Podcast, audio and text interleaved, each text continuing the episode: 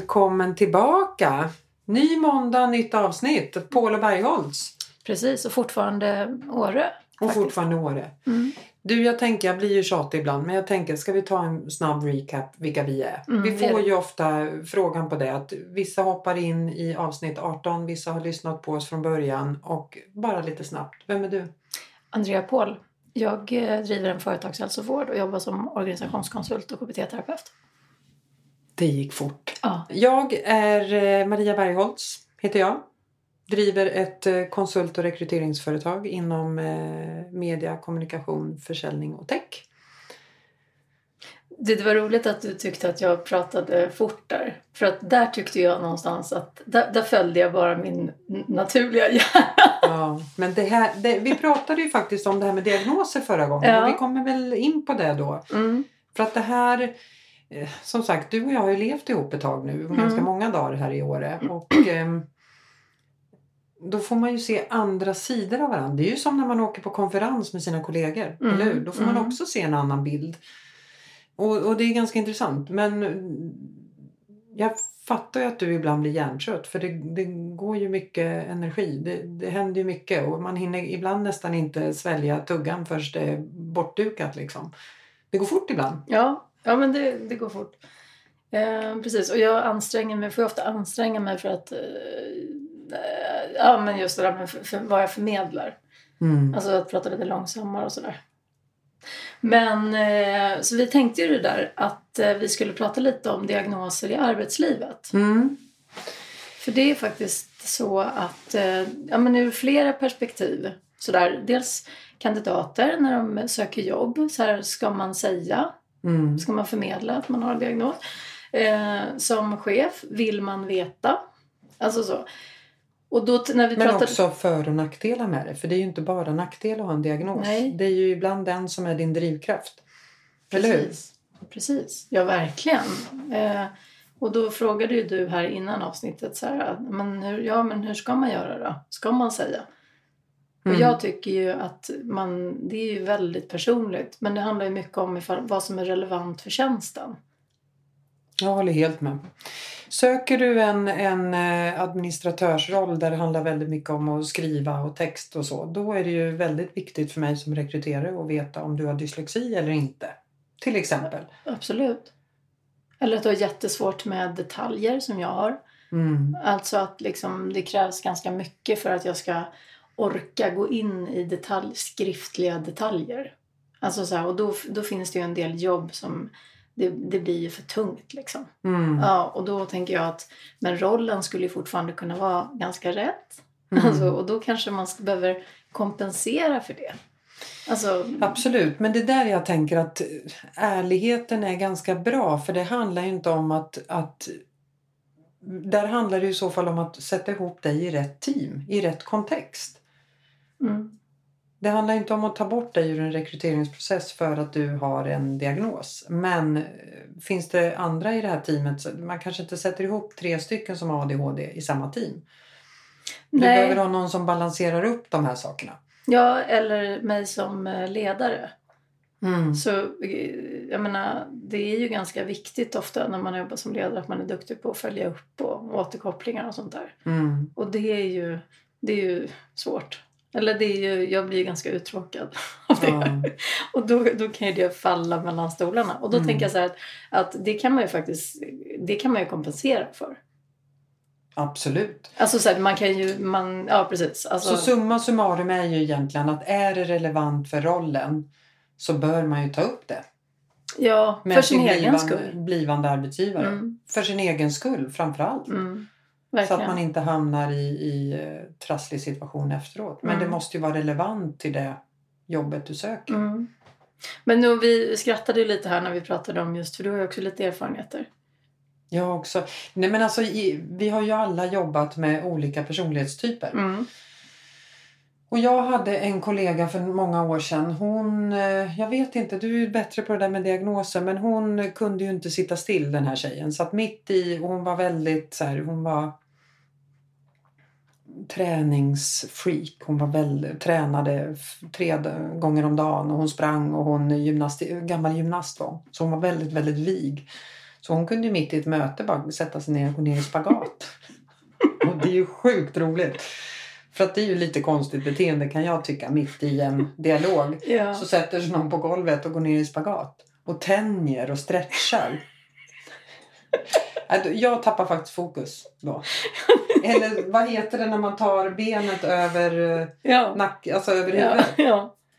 ja. Det känns konstigt forum att göra det på. På ett måndagsmöte. Jag vet inte. Vad tycker du? Nej men jag tror att hon säkert blev uttråkad. Alltså antingen så, men vad var du inne på att det, var, det låter ju lite, ja, det är lite så bristande impulskontroll och lite kanske så här, man kanske inte riktigt, konsekvenstänket är inte riktigt på plats och ja men också blir uttråkad så att hon behöver det för att annars somnar hjärnan liksom. Om Mm. inte hon börjar göra någonting som, som bryter av. Typ när någon annan pratar lite för mycket. Så. Ja. så, så behöver hon Det handlar hjärnan. liksom om att hon, man tappar fokus. Man kan inte sitta och lyssna på de där tråkiga siffrorna och allting vad det har att göra med. Till exempel, om det är ADHD där. Men sen var vi inne på, jag menar, eh, andra, du, du sa också något exempel där med någon som upplevdes ganska manisk. Alltså så, det är ju, jag menar, det är ju en annan diagnos. Man kan, bipolaritet Mm. till exempel. Eh, att man kan ha maniska perioder. Eh, Och det där är ju, jag tänker bara så här. mycket gjort och vara väldigt så här. Men jag tänker så här som arbetsgivare som, som, som jag är så sk visst skulle man väl vilja veta om någon hade de diagnoserna. För Ja. de måste ju handledas på ett annat sätt. Det blir ju... Mm. Men det, det jag kan Eller? känna sådär också det är att det, det ställer också krav på att man ska kunna hantera det man frågar efter. Då är det ju viktigt annars att man tar hjälp om man inte vet hur man ska hantera det. Nej, men om vi tar till exempel eh, eh, ja men eh, Asperger. Ja, Mm. men om du, alltså att, eh, eller ja, där, där, du behöver ju också kunna hantera dem. Det är till exempel att allting går jättebra så länge saker är förankrat och det inte går för fort mellan förändringar och sådär. Mm. Eh, då måste du ju också leva därefter som ledare. Annars så blir det ju väldigt taskigt liksom. Mm. Och där tror jag att det är lätt att säga att man vill veta men sen inte ta saker på allvar på något sätt. Och då så blir det ganska negativt. För att det blir ju så här att om, om, om du vet att kollegor och en chef vet då finns det ju också en förväntad, alltså Att den, ska- menar, ja, att, den personen som har diagnos, att, Mm. att det ska också tas hänsyn till. Mm. Men om man inte vet och inte så här, då har man inte den förväntan. Sen tror jag som du, jag tror att det blir mycket, mycket bättre. Om man Om- vet, ja. ja, verkligen, Ja, det absolut. tror jag också. Men precis som du säger, då har man också tagit på sig ett väldigt ansvar. För Precis. att det, här med förväntan som du säger. Ja. då kan du inte liksom då kan det inte ske förändring över en natt. Och igår skulle vi gå åt det här hållet och nu säger du... För sådana människor klarar ju inte riktigt den förändringen när det går för fort. Utan Ja, att det är förankrat och det ska stötas och blötas ett par gånger. Ja, eller att det bara är tydligt kommunicerat sådär. Men att, ja. Så, att, så, så tänker jag med det. Eh, ja, men det här är, det är jättesvåra frågor. Jag jobbar ju med ganska mycket sådana här situationer. Och det är svårt faktiskt. Och det är många tunga konsekvenser ibland också. Sen finns det väldigt mycket, som jag ser, så himla mycket positiva fördelar av att ta hänsyn till det. Du kan ju också verkligen få fram det bästa av vissa personer. Mm. När, när man tar hänsyn Att- till ja. styrkorna. Så, ja men så här, Men det sätter ju krav på ett väldigt engagerat och drivet ledarskap. Det ställer ju väldigt, väldiga krav på en ledare. ja men det kan man säga. Men det, men det också menar jag, du, du kan också få ut väldigt, väldigt mycket mer. För att jag menar till exempel en person, det är ju ändå så här diagnoser, det finns ju vissa utmärkande drag vid diagnoser. Som man också kan dra nytta av. Till exempel vissa autistiska drag eller att man är ja men vid Asperger till exempel att man kan jobba, många kan jobba ganska monotont ganska länge och vara Mm. väldigt rutinfasta. Det är ju en jättestyrka i rätt sammanhang. absolut. Ja, gud. Tänk dig själv att komplettera dig med det. Mm. Alltså det Jag är ju skulle behöva en fantastiskt. sån Ja, bredvid mig. Ja. Exakt så. som inte blir uttråkad och som inte sitter och frågar efter stimulans hela tiden utan så här, är nöjd med då att eh, ja, det är väl fantastiskt. Ehm, ja, det, ja, det finns många sådana exempel. Men eh, så, att, så att i rätt menar sammanhang så Mm. kan det bli väldigt, väldigt bra. Ja. Men du, det blir ju liksom allt vanligare med de här diagnoserna. Titta på våra barn i, i liksom grundskolan. Det är ju jättevanligt med diagnoser. Det var det ju inte när du, du och jag växte upp. Nej. Nej, det är vanligare att man diagnostiserar. Ja, men det, fin- det finns ju en, någonting att ta på. Mm, så är det. Och det är därför också det behövs, det är därför det också behövs eh, men handlingsplaner och ett annat ledarskap i många, tycker jag. Mm. Därför att det är inte en på 10 000. Nej, Nej det, är ju, det är ju vanligt. Men, men vad jag förstår på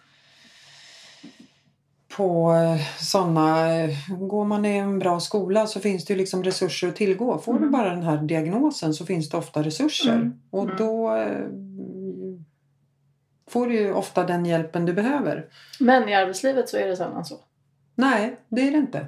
Och det är en av anledningarna till att jag också startade mitt företag. Mm. För att jag också har jobbat faktiskt med en hel del briljanta chefer som har eh, problem. Alltså problem, alltså att det, att det är ganska upp och ner till Ja, exempel. Som mm. är relaterat till en diagnos.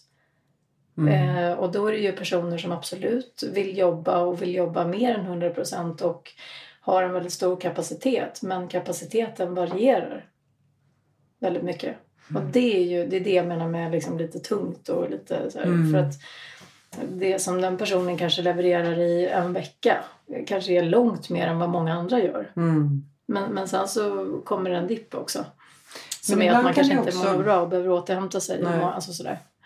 Men ibland kan man ju också liksom luta sig tillbaka och säga ja nej, men du vet hon har ju en diagnos eller hon har ju ADHD. Att man det kan ju vara både med barn och vuxna upplever jag. Att oj vad han är stö- oh, fast han har ju ADHD så han får ju göra lite som han vill. Han får ju hoppa på bänken. Till Ja, exempel du att man skyddar sig bakom en, en diagnos. Ja, intressant att du säger det. Och vad tänker du med det då? Ja vad tänker jag med det? Nej men det får väl konsekvenser för att du- alltså Att du inte kan bete dig hur som helst menar du? Nej men du kan ju inte bete dig hur som helst men samtidigt så har du ju svårigheter att bete dig som Mm. du kanske borde. Mm. Så var drar man den gränsen? Det är jätte... Är det okej att han hoppar på bänken? För han behöver det för att kunna koncentrera sig. Men då finns det ju 23 andra eh, elever i, i klassrummet som inte kan koncentrera sig. Mm. Så var går den gränsen? Mm. Då kan jag tycka att det är där det kommer in med handlingsplaner. Att det kanske skulle vara smartare då att man, att man ger den där personen det den behöver. Exakt. Fast utanför klassrummet Ja. eller med jobbet. Att Mm. man eh, tillåter träning på dagtid. Alltså, nej men, så här, egentligen, det är en jätteintressant fråga som du ställer därför att jag då tycker ju att eh, det är orimligt att ställa krav på någon med, med ett handikapp som inte går nästan att leverera på. Också för att eh, det ofta är tillräckligt mycket krav att bara få ihop vardagen.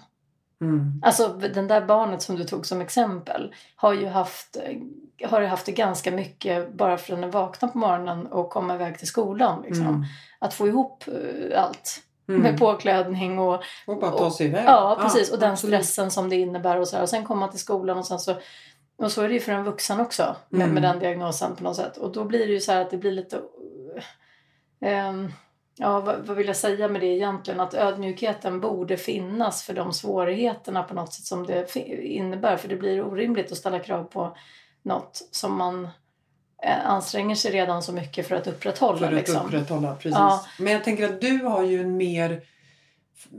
Eftersom du, kan, eftersom du har diagnosen själv så skulle du ha lättare att ha en person i ditt team. För du vet lite hur man manövrerar och hur det funkar. Ja, men det tror jag nog. Jag kan ju bara läsa mig till fakta. Jag har ju ingen e- e- livserfarenhet av det. Nej. Men du har ju lite svårt, där, där har ju du lite svårt att förstå mig ibland. Ja, När du säger så här, hjärntrött. Hur, hur känner Hur du då? du då? liksom? Det går så fort, det går så fort, det går så Ja. fort. Och då beskriver jag mig själv, utan diagnos eller inte, men då beskriver jag mig själv som ganska snabb. Men jag sitter ju i baksätet med dig. Ja, men sen så tror jag att du reglerar själv. eh, Du är jättesnabb. Och du är både snabb på, på att göra och att tänka och att så här, så. Du sitter ju inte fast. Jo, med social media, men inte med annat. Eh, men det gör du ju inte. Men eh, du reglerar utifrån det. Alltså då är du snabb på aktivitet och på att, så här, vad som behöver göras och så. Men känslomässigt så tror jag att du hänger med att reglera. Ja. Och det är det som jag inte riktigt gör. Nej. Det är där som är skillnaden skulle du säga? Ja, att det går både fort liksom, upp i huvudet och tankarna. Mm. Men sen också känslomässigt. Så att, och jag hinner inte riktigt med att reglera det. Och då blir jag lite avstängd Mm. till exempel. Ja. Och orkar inte ta in mer. Och då blir det så här. Då känner man att man inte får kontakt eller jag blir distanserad och jag så här upplever mig... Det blir svårt kring mig. Liksom. Mm. Och det, där, är ju vi, där skiljer vi oss. Där skiljer vi oss.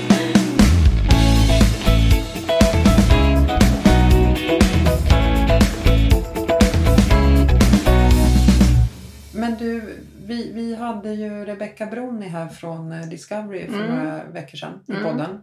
Som pratade mycket om att de var väldigt duktiga på att mäta temperaturen. Eh, hur folk mår på deras arbetsplats. Mm. Gör väldigt mycket undersökningar. Hur mår vi den här veckan? Mm. Vad har vi för utmaningar? Hur tycker du det är att sitta hemma? Och så vidare. och så vidare. Jag tycker att det låter väldigt bra. Eh, men jag är ju nyfiken på om man inte följer upp det så kan du kan ju ha hur många undersökningar som helst. Hur mycket ska man fråga egentligen? Ja, mycket ska jag man vet. fråga? Ja, men det är faktiskt... Jag, För jag att vet. någonstans om jag går ut och frågar mina medarbetare så får jag ju 100 timmars jobb efteråt. Mm. För att du ska ju följa upp på det här. Det, det räcker ju inte med att bara göra medarbetarundersökningar Nej. eller ta tempen på personalen. Nej, verkligen inte. Och nu, nu menar inte vi Discovery för det lät ju som att de gör det. Nej, det, nej, nej. Men, men generellt sett så, så tycker jag att det i och med att det har blivit så enkelt Mm. att göra till exempel undersökningar och enkäter och sådär. Det, det är ju ett väldigt effektivt sätt jämfört med att lägga managementtid. Ja. Alltså så, så kan du få reda på rätt mycket. Men då har det ju blivit väldigt utbrett och sådär. Och eh, jag tycker nog att det är lite tendenser ofta på det där som du säger. Man får in massa information, men vad gör man med den? Mm. Och lite så här, lite så här som tillbaka till det där med, att, äh, med diagnos i arbetslivet. Att du ska också kunna hantera det du frågar efter. För att det blir ju en förväntan på att organisationen ska agera. Eftersom du har skickat ut Ja. den här. Precis, det är det jag menar. Att du, du måste ju vara beredd på konsekvensen genom att slänga ut en sån fråga. Ja, eller du måste ha tagit höjd för att äh, ta åtgärder på det som kommer upp innan. Mm. Och jag tror att väldigt ofta så tror jag att man vill förskjuta, man liksom flyttar fram lite äh, behovet, eller så här, åtgärds, åtgärderna. Mm. genom att ställa frågan. Lite som att fråga dig hur, hur, hur du mår och sen inte lyssna på svaret. På svaret. Men, men då har jag åtminstone visat att jag, att jag bryr mig. Mm. På något sätt. Ja. Men liksom, Men inte hela vägen. nej, Nej. precis. Så jag, tror, jag tror att man behöver jobba med det. Jag tror man ska begränsa snarare och tänka hela vägen. Så här, vad, vad, vad ska vi fråga efter? Vad är vi redo, redo att ta hand om? Mm. Eh, och och hur, ser, hur ser det ut?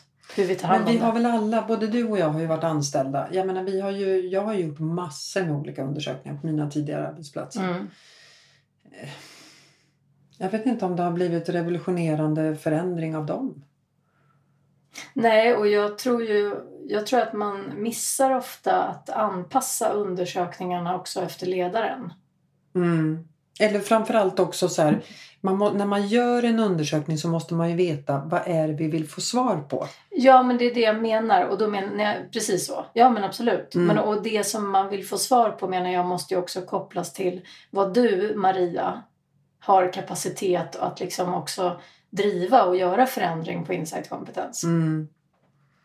Alltså lite så att ja, det går ju att fråga högt och brett om eh, arbetsmiljö, den fysiska, hur du sitter och eh, om eh, ja, allt, psykosocial arbetsmiljö och allting. Men någonstans så här, om du har ett lång, ja du kan agera på det inom tre år. Hur relevant är det Mm. Hur- liksom? eh, Men du, tycker du, eh, tycker du att en eh, medarbetarundersökning ska vara anonym? Ja, det tycker jag. Tycker du inte det? Nej, men jag fick, jag fick eh, tipset av en eh, duktig certifierad coach som eh, och då så sa hon så här att hon tyckte inte att den eh, skulle vara anonym för hon menar på att du skulle i alla fall bara sitta och fundera på vem det var som hade svarat så här.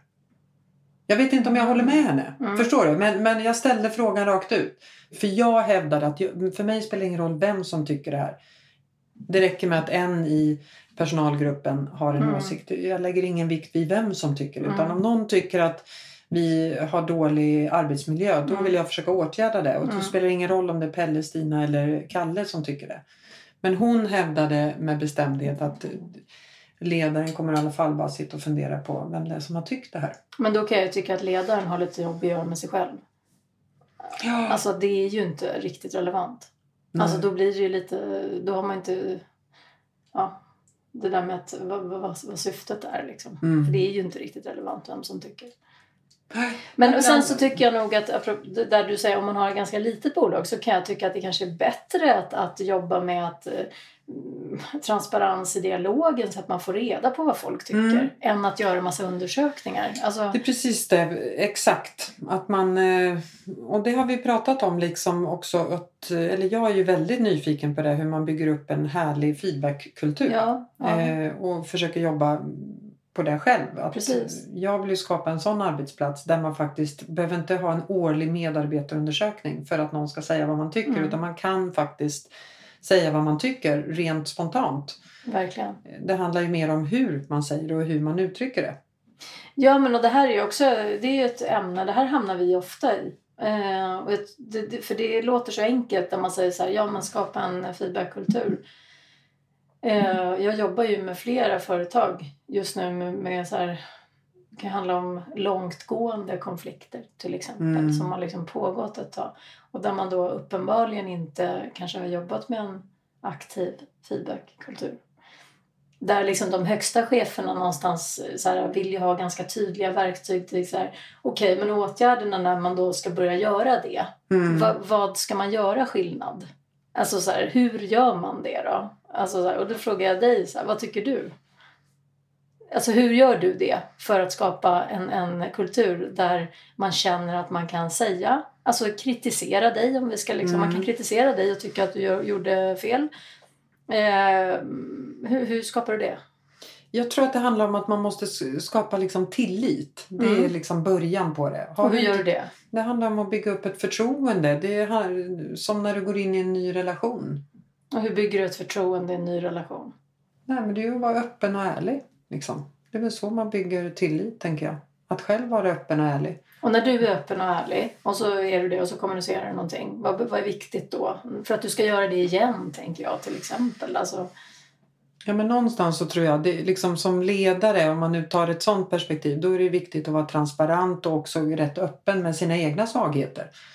För det är ofta Ja. det som gör att man inte vågar prata med en chef. Man tror att den sitter på alla svar och sitter så högt upp och så vidare. Och så Mm. vidare. Man vågar inte. Så där har ju ledaren ett rätt viktigt jobb att göra. mm.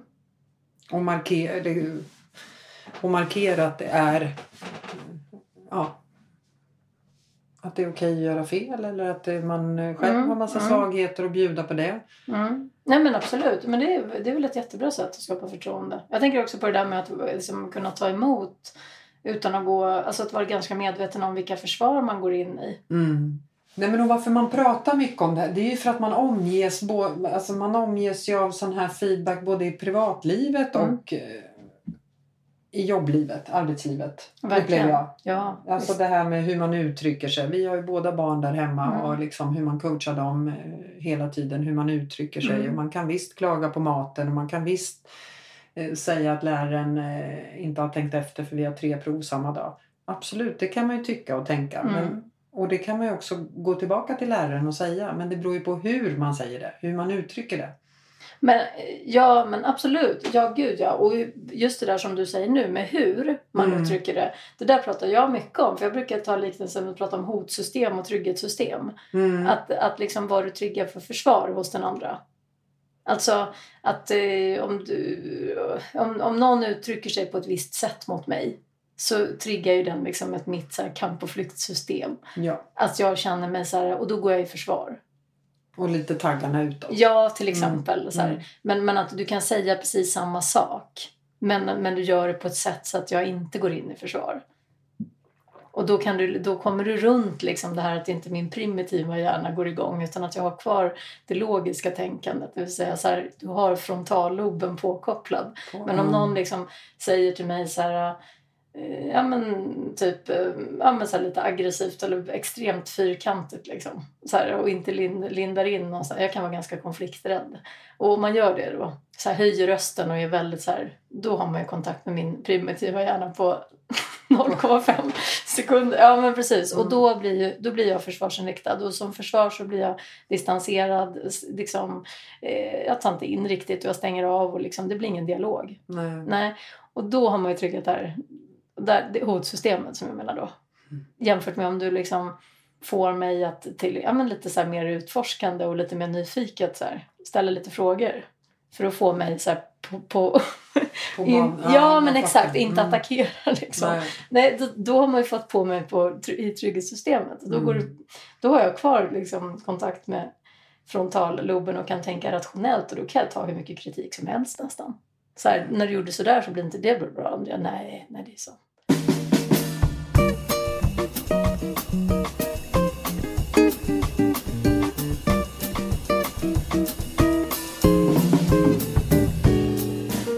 Men om man nu ska sammanfatta det här då, har vi några liksom heta tips att ge? Hur skapar man en bra feedbackkultur? Ja, men jag tycker du sa bra saker där. Du sa att det handlar om att bygga förtroende. Mm, och Eh, ja, och då sa du att eh, för att, få, för att bygga förtroende så tycker du att det är viktigt att man bjuder på sig själv som ledare. Alltså att man kan stå för så här, nej, ja, men, nej men jag kan vara lite snabb sådär. Mm. Det, så är det och det står jag för. Och det Mm. måste också vara okej. Men det är sant. Det är en svaghet också. Mm. Alltså så här, det är att bjuda på sig ju själv. det. Ja. Ofta de här svagheterna och styrkorna som vi pratar om, det hänger ju ofta ihop. Ja, alltså det det, som det. är svagheten, ja jag är lite snabb och då blir det ju å andra sidan fel ibland. Men å andra sidan, det är ju en styrka för det händer så jäkla mycket Absolut. kring eh, mig eller dig eller vem det nu är som har den här.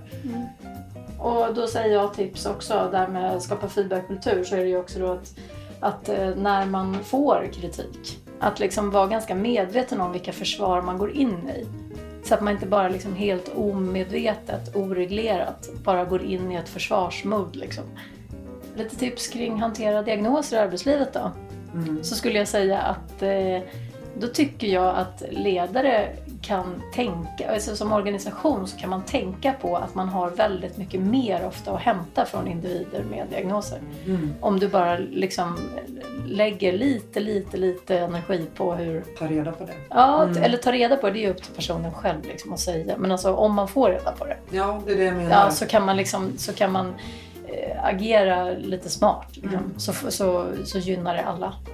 Och då tänker jag alltså utifrån ett kandidatperspektiv. Ja, men var öppen med din diagnos och säg vilken styrka det skulle Ja. kunna ha i just den här rollen i det sammanhanget.